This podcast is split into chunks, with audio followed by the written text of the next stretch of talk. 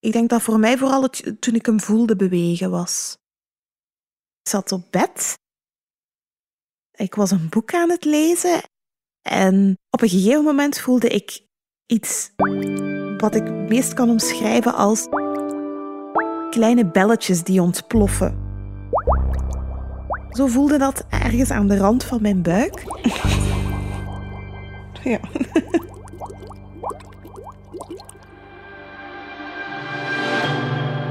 Ja, ik vind dat nu wel... Ja, ik vind het zo wel een hele harde overgang.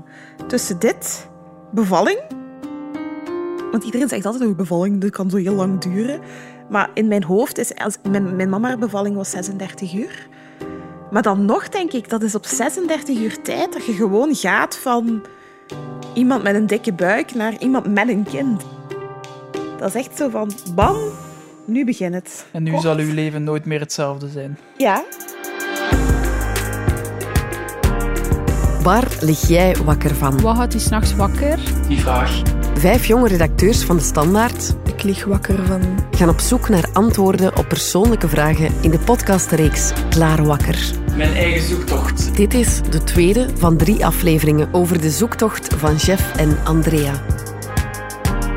Ik moet wel zeggen dat die vraag, wat geeft je van uw huidige leven op, dat die vraag zich meer stelde nog op het moment dat het kind nog iets abstract was, naarmate dat het dichterbij komt en het kind is concreter. Je kunt het voelen als je hand op de buik legt, dat die vraag zich al iets minder fors opdringt. Maar in de plaats zijn wel heel veel verwachtingen gekomen.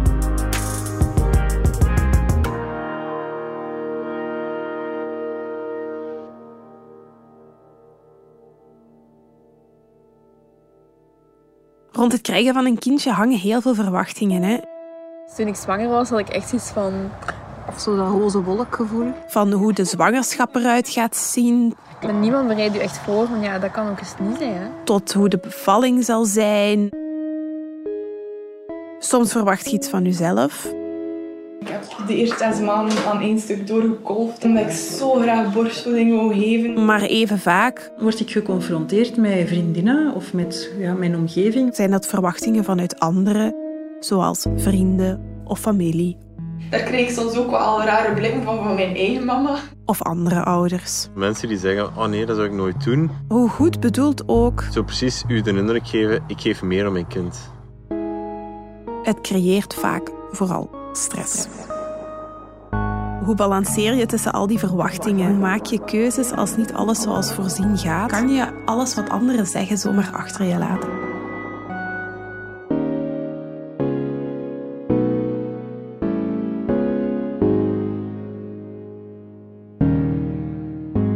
Dat willen we deze aflevering uitzoeken. En dan spoelen we best even terug naar die barbecue van vorige keer. Ik ben kei blij dat hij een jongen is. Herinner je je dat onze vriendin Celina dit vertelde? Die gaat zijn lichaam nooit moeten opgeven als hij een kind wil hebben. Maar toen heb ik gedacht, dat klopt ook wel niet helemaal. Want je hebt ook wel... En dat hoort je dan ook van die vrouwen, van dat mijn man vier vijfde wil gaan werken. Dat er gewoon mee gelachen wordt. Of, of ook gewoon, dat wordt niet gedaan. Zo, dat wordt gewoon niet Ja. gedaan. Wat als die mening komt van een werkgever, van een job die je graag doet, hoe ga je daar dan mee om? Wat speelt daar dan mee? Want ook bij onze vriend bleef het onbewust. In mijn achterhoofd speelt er ook wel zo het idee van, dat wordt niet geapprecieerd. Ik wil iets doen wat ik heel graag doe, ofwel dan meer carrière maken. Ik Ja. zit zo wat ertussenin.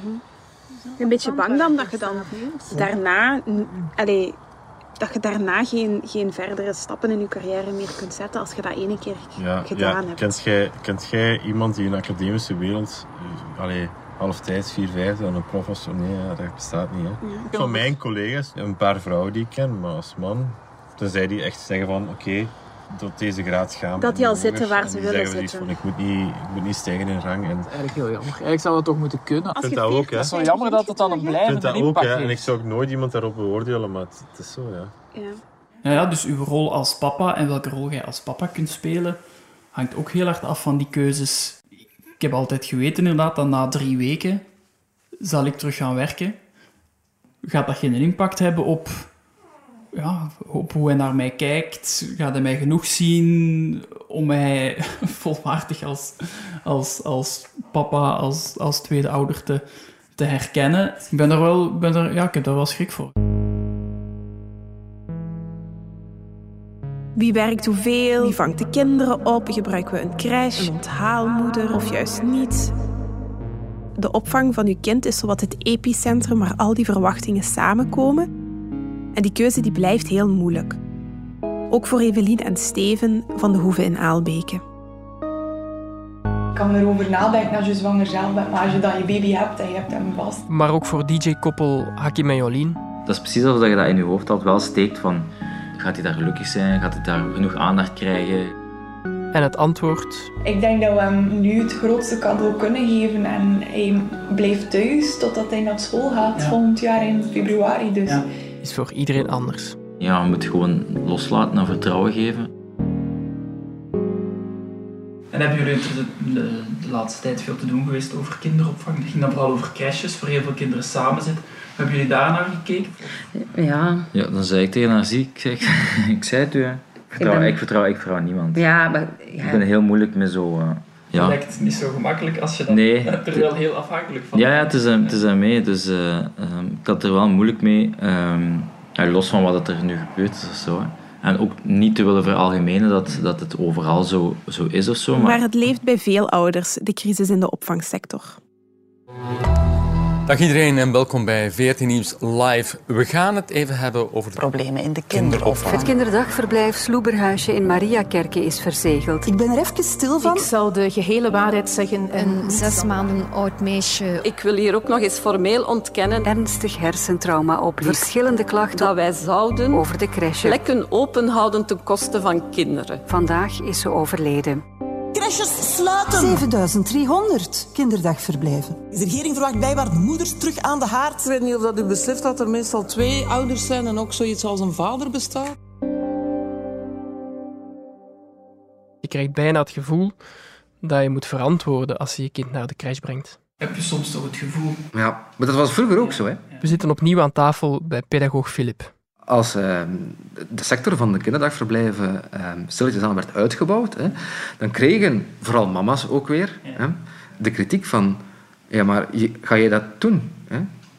Onderhuids werd dan tegen hen gezegd dan ben je eigenlijk een slechte moeder. Hè? En nu zie je dus dat, dat zoveel decennia daarna terug hetzelfde wordt gezegd, maar nu tegen beide ouders. En terwijl dat er eigenlijk als het een kwaliteitsvol kinderdagverblijf is, dan is dat best een leuke plek om te vertoeven als kind. hè.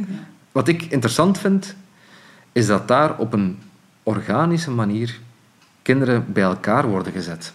Dan pikken kinderen heel wat van elkaar op. Eh, en dat is een voordeel dat een kinderdagverblijf heeft, dat je bijna niet kunt kopiëren in een huissituatie. In de auto beseften we dat Philippe ons idee over crèches wel een beetje veranderd had.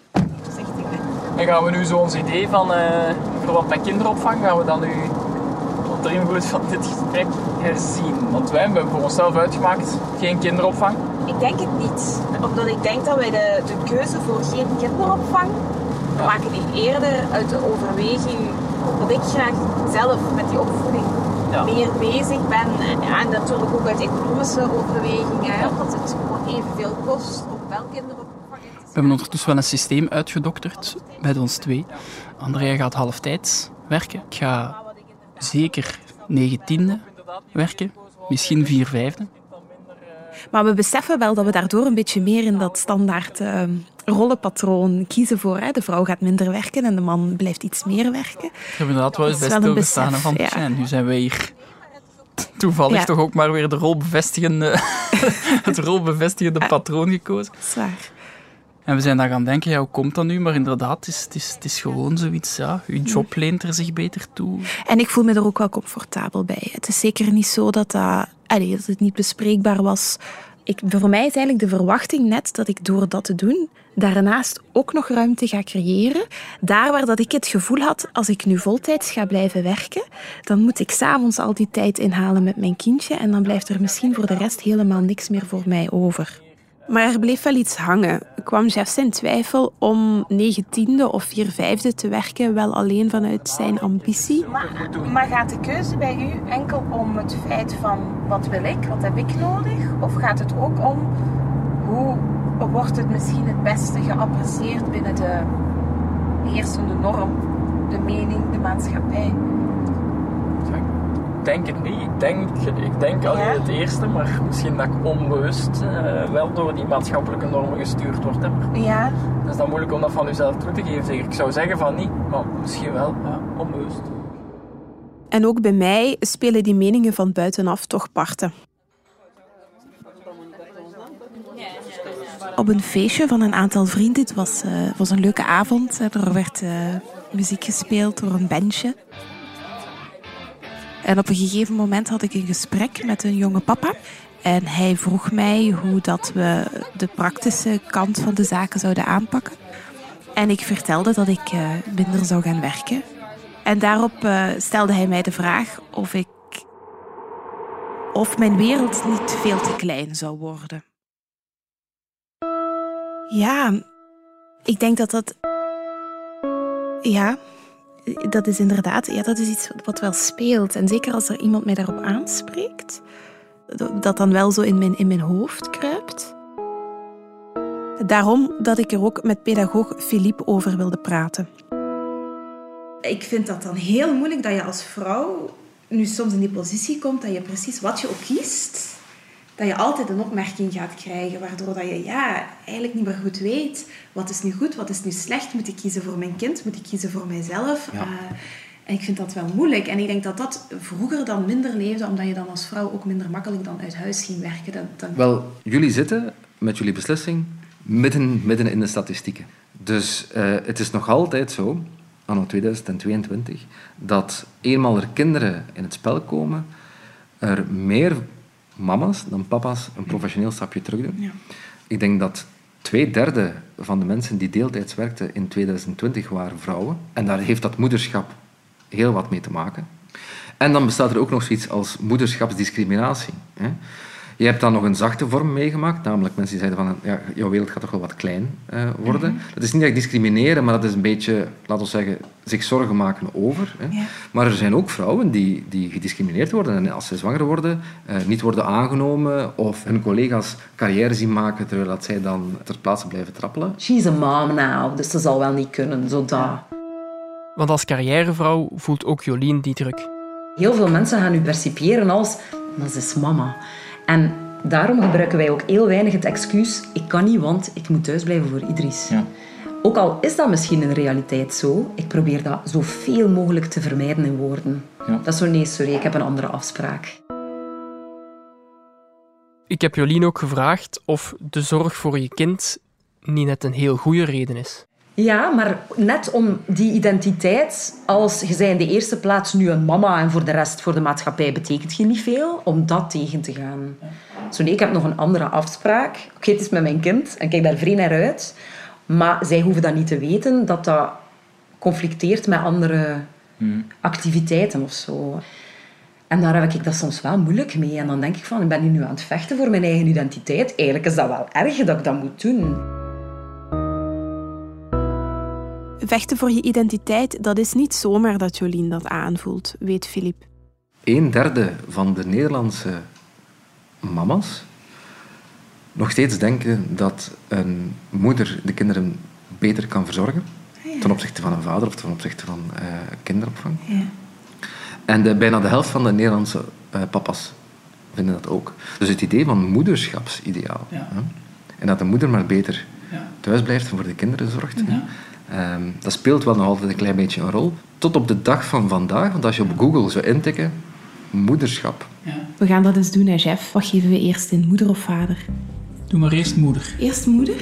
Dan ga je toch nog altijd heel wat afbeeldingen krijgen van, Moeders. van moeders. En dan de, de wijze van die afbeeldingen zijn sprekend. Ja, inderdaad. Kijk. Dat gaat dan over moeders die aan het knuffelen zijn of borstvoeding aan het geven zijn. Rode draad is wel Ja. moeder met kind in haar armen, Ja, op ja. de schouders. Ja. Altijd van die innige, ehm, bijna christelijk-religieuze taferelen. Hè? Hè, De, de heilige maagd met, met Jezus. Dan zullen we eens op vader zoeken. Hè? Wacht, hè. Vader, zoek.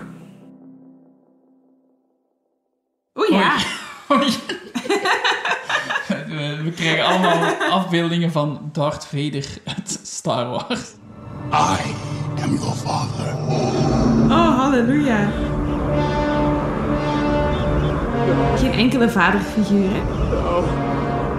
Tussen haakjes, we hebben ook in het Engels op vader en moeder gezocht en op ouderschap. Maar ook daar blijft dit eigenlijk een heel welomlijnd beeld. We zien vooral een papa die ravot en een mama die knuffelt met haar kind. Ik denk dat hij toch nog meer het beeld had van de vrouw die heel zorgend met haar kinderen en veel tijd doorbracht met de kinderen. En ook al is hij ook heel zorgend als papa, denk ik dat hij zich bewust was van het feit dat hij dat verwachtte van een vrouw. Uh, en ik wou die verwachting eigenlijk niet inlossen. Mijn naam is Sarah Matthijs. Ik uh, ben 45 jaar. Als gescheiden mama voedt Sarah haar drie kinderen op. Een oudste die bijna 18 wordt, Mila. Een jongetje van bijna 7, Issa. En een meisje van bijna 5, Nio. Daarnaast mag je Sarah gerust een workaholic noemen. Dat gaat ook niet meer veranderen. en dat botste met de verwachtingen van haar partner eens er kinderen waren. Dat is iets dat wij misschien te weinig aandacht hebben gegeven in de periode voordat we kinderen kregen. We hebben dat eigenlijk nooit proactief gepraat. Hé, hey, als wij kinderen zouden hebben, hoe zou dat gaan? Hè? Um, dus in ons geval hadden wij zeker dat gesprek moeten hebben. Dus ja, jonge mensen die vandaag nog geen kinderen hebben en dat overwegen, het is een, echt wel een onderwerp dat je moet bespreekbaar maken. En ik denk dat je daar ook niet te licht over mocht gaan, maar echt moet doorvragen van ja, maar wat betekent dat dan precies? Ja. En als kinderen ziek worden, wat dan? Ja. En ja, ik heb denk ik op een gegeven moment dan geluk gehad van te scheiden, want dat maakte, dat is vreselijk dat ik dat zeg, dat die tijd ook gedeeld was mm. van mijn kind. Ik had in één keer mijn kind niet fulltime. Ja. Dus ik kon terug internationaal gaan werken, bijvoorbeeld, op dat moment. En, en, en, en kan je dat benoemen waarom die carrière, dat werken voor jou zo belangrijk is? Ik haal daar energie uit, ja. punt. Ik ben daarachter gekomen dat, dat voor mij... Allee, dat is echt erg. En, maar als ik verhaaltjes moet, want dat is het woord dat ik gebruik, hè, moet voorlezen voor mijn kinderen, dan zie ik dat als een opdracht. En dan zie ik dat als oh, het is hopen dat het niet te lang moet duren. En ik, ik, heb daar heel veel, ik heb daar wel schuldgevoelens over. Voilà. Schuldgevoel. Ik voel mij constant schuldig. Dat is een woord. Schuldig? Schuldgevoel. Dat in het gesprek met elke ouder is gevallen. Schuldgevoel dat je al half hebt, wordt bevestigd. Schuldgevoel. Ik voel me heel rap schuldig. Ja, ja. En dat gevoel kan verlammend werken. Als ik dit nu kies, is dat wel het juiste? Zou ik niet toch beter die adviezen van die persoon volgen? Als je zegt inderdaad dat schuldgevoel, waar komt dat dan vandaan? Is dat, is dat dan het idee, misschien hebben ze dat wel nodig, dat meer speelse, en ik kan hen dan niet meer? Nee, dat is echt van buitenaf. Want uh, ben van de jaren zeventig, wij zaten veel meer buiten en op straat en met elkaar en zo nog echte ravotten. Maar wij speelden niet met onze ouders. Of dat was nog niet zoveel aandacht van mijn kind moet op een tweede al naar de muziek gaan. En, en dus ik balanceer soms tussen mij dat proberen te herinneren en zeggen waarom doe ik eigenlijk zo noos. Ik doe uiteindelijk nog wel veel met mijn kinderen. Maar dan word ik geconfronteerd met vriendinnen of met ja, mijn omgeving waar sommige mensen echt heel veel met hun kinderen doen. Mm. Onderzoekster Charlotte vergelijkt het met een intern kompas dat je als ouder helpt om keuzes te maken. Maar hoe meer mensen zich bemoeien met de richting van dat kompas, hoe moeilijker ouders het krijgen. En ze raken daar wat in vast. Ze piekeren, ze twijfelen, ze voelen zich onzeker en die staan meer onder druk. En dan denk ik, oei, ben ik mijn kinderen nu aan het tekort doen ja. of zo? Hè? Ja. De grootste schrik is eigenlijk, gaan die dat mij ooit verwijten? Dus ook daar zien we verschillen. Ouders die voelen dat het past bij wie ze zijn, dat die beter van afbrengen ja. dan ouders die zich meer onder druk voelen. Ben ik wel een goede ouder? Heb ik mijn Komt kind mijn gefaald? kind iets te kort? Het lijkt onvermijdelijk dat die ideeën als ouder door je hoofd gaan. En toch zeggen we dat liever niet. We schamen ons. Daar moeten we vanaf. Hè. Elke ouder twijfelt. Elke ouder komt situaties tegen die hij verkeerd heeft aangepakt en waar hij achteraf van dacht, wat moet ik hier nu mee? dus dat we ons daarover schamen is enerzijds ook normaal. Dat is een normale reactie op een situatie die je niet fijn vindt. Maar dat je dan de stap niet durft nemen om, het, om hulp te vragen, dat is toch wel een, een beetje een doel dat we in onze maatschappij moeten vooruitstreven. Ja. Het is misschien het enige waar Evelien spijt van heeft sinds Cody er is. Als ik het anders zou hebben gedaan, zou ik vanaf dag één na de bevalling eh, op gaan zoeken zijn en nooit zo ver gegaan zijn die borstvoeding geven. Cody was ook allee, niet zo super gemakkelijke baby. Ik sliep amper. Vorige zomer was ik zwanger van onze tweede, ehm, maar ehm, dat was een miskraam. Ja. En ehm, ja, toen is alles heel snel bergaf gegaan. Maar ook het gewicht van voor Cody zorgen ehm, is dan een beetje op mij gevallen. Omdat het zo'n moeilijke, heftige periode is geweest met hem. En ja, ik kon niet meer. Iedereen zei altijd tegen mij, geniet ervan. Je hebt een baby en alles is toch vlot verlopen met de bevalling. En ik kon niet zien ik, wat, wat het er zo leuk aan was van een huilende baby te hebben die niet wou drinken. En de druk heb ik ook vrij hoog gelegd op mij, omdat ik zo graag borstvoeding wou geven. En ik heb de eerste zes maanden aan één stuk doorgekolfd en dat was zo vermoeiend. De start is eigenlijk dat die ouders het echt heel erg goed willen doen. En daardoor gaan ze als ouder eigenlijk gaan overinvesteren. We zijn opnieuw bij onderzoekster Charlotte. Ze gaan zichzelf gaan opofferen, luisteren niet meer naar hun eigen noden. Wat dat ook wil zeggen, het kan ons allemaal overkomen. Er wordt niet veel over gepraat. Ik ben, eh, de, allee, ik ben in begeleiding bij een psychiater en die heeft mij eh, verteld dat ik een postnatale depressie heb gehad. Eh, en daar nog serieus de naween van heb. Omdat ik daar eigenlijk niks mee heb gedaan het eerste jaar dat ik Cody hier was. Ik heb veel te laat de juiste mensen gevonden die mij eigenlijk verder hebben geholpen met die depressie. En ja, Algemeen genomen heeft zo'n 15% van alle moeders een postpartum depressie. Even voor de duidelijkheid, een postpartum en een postnatale depressie zijn hetzelfde. Tot 80% ervaart negatieve gevoelens of babyblues in de eerste dagen na de zwangerschap. En zo'n 8% krijgt later een parentale burn-out. Dat vertelt onderzoekster Charlotte. Het verschil tussen een parentale burn-out en een postpartum depressie zit hem in de domeinen waarover je je down voelt. Een postpartum depressie is eigenlijk een depressie die... Zich specifiek gaat richten in de eerste maanden na een bevalling. Maar voor de rest zijn de symptomen wel gelijkaardig aan een depressie. Wat wil zeggen, je bent over het algemeen neerslachtig. Je hebt nergens niet meer plezier in. Je voelt je somber, eh, machteloos, waardeloos. Als die gevoelens meer dan twee weken aanhouden zonder dat je je beter voelt, dan spreek je over een postpartum depressie. Een parentale burn-out kan je een beetje vergelijken met een burn-out op het werk. Het grote verschil is alleen dat je je uitgeblust voelt in het ouderschap in plaats van in je job. Het kan dus perfect zijn dat een ouder het heeft gehad met het ouderschap, daar geen voldoening meer in kan halen, maar volledig opleeft wanneer dat hij op het werk kan voelen van hier lukt het mij wel. Natuurlijk moet je ook altijd de vraag stellen, wat zijn we precies met die labels? Het gaat meer over wat heeft die ouder op dit moment nodig. En dat kan soms heel gelijkaardig zijn. En ook een zorgzame vraag of een lief gebaar van de omgeving kan al veel verschil maken. Ik zal nooit meer alleen maar zeggen, oh, hoe fantastisch en geniet er maar van. En dat er ook wel, los van het feit dat het ouderschap enorm verrijkend is, dat je aandachtig bent, dat het ook wel gevoelens kan oproepen die minder maatschappelijk goedgekeurd worden. Als ik zo vrouwen zag gaan met buggies, dan dacht ik, ziet die vrouw gewoon gaan met die buggy, alsof er niks is gebeurd. Dat is onze vriendin Celina opnieuw. Maar ik liep daar zelf ook zo ja, met die. Je ziet niet aan iemand of hij nog pijn heeft of niet, of, of, of hoe dat hij zich mentaal voelt of niet, want dat is ook, je hormonen nemen dat helemaal over. Ja. En, en je, je wilt rationeel zijn, maar je bent heel... Ja, je bent dat niet eigenlijk.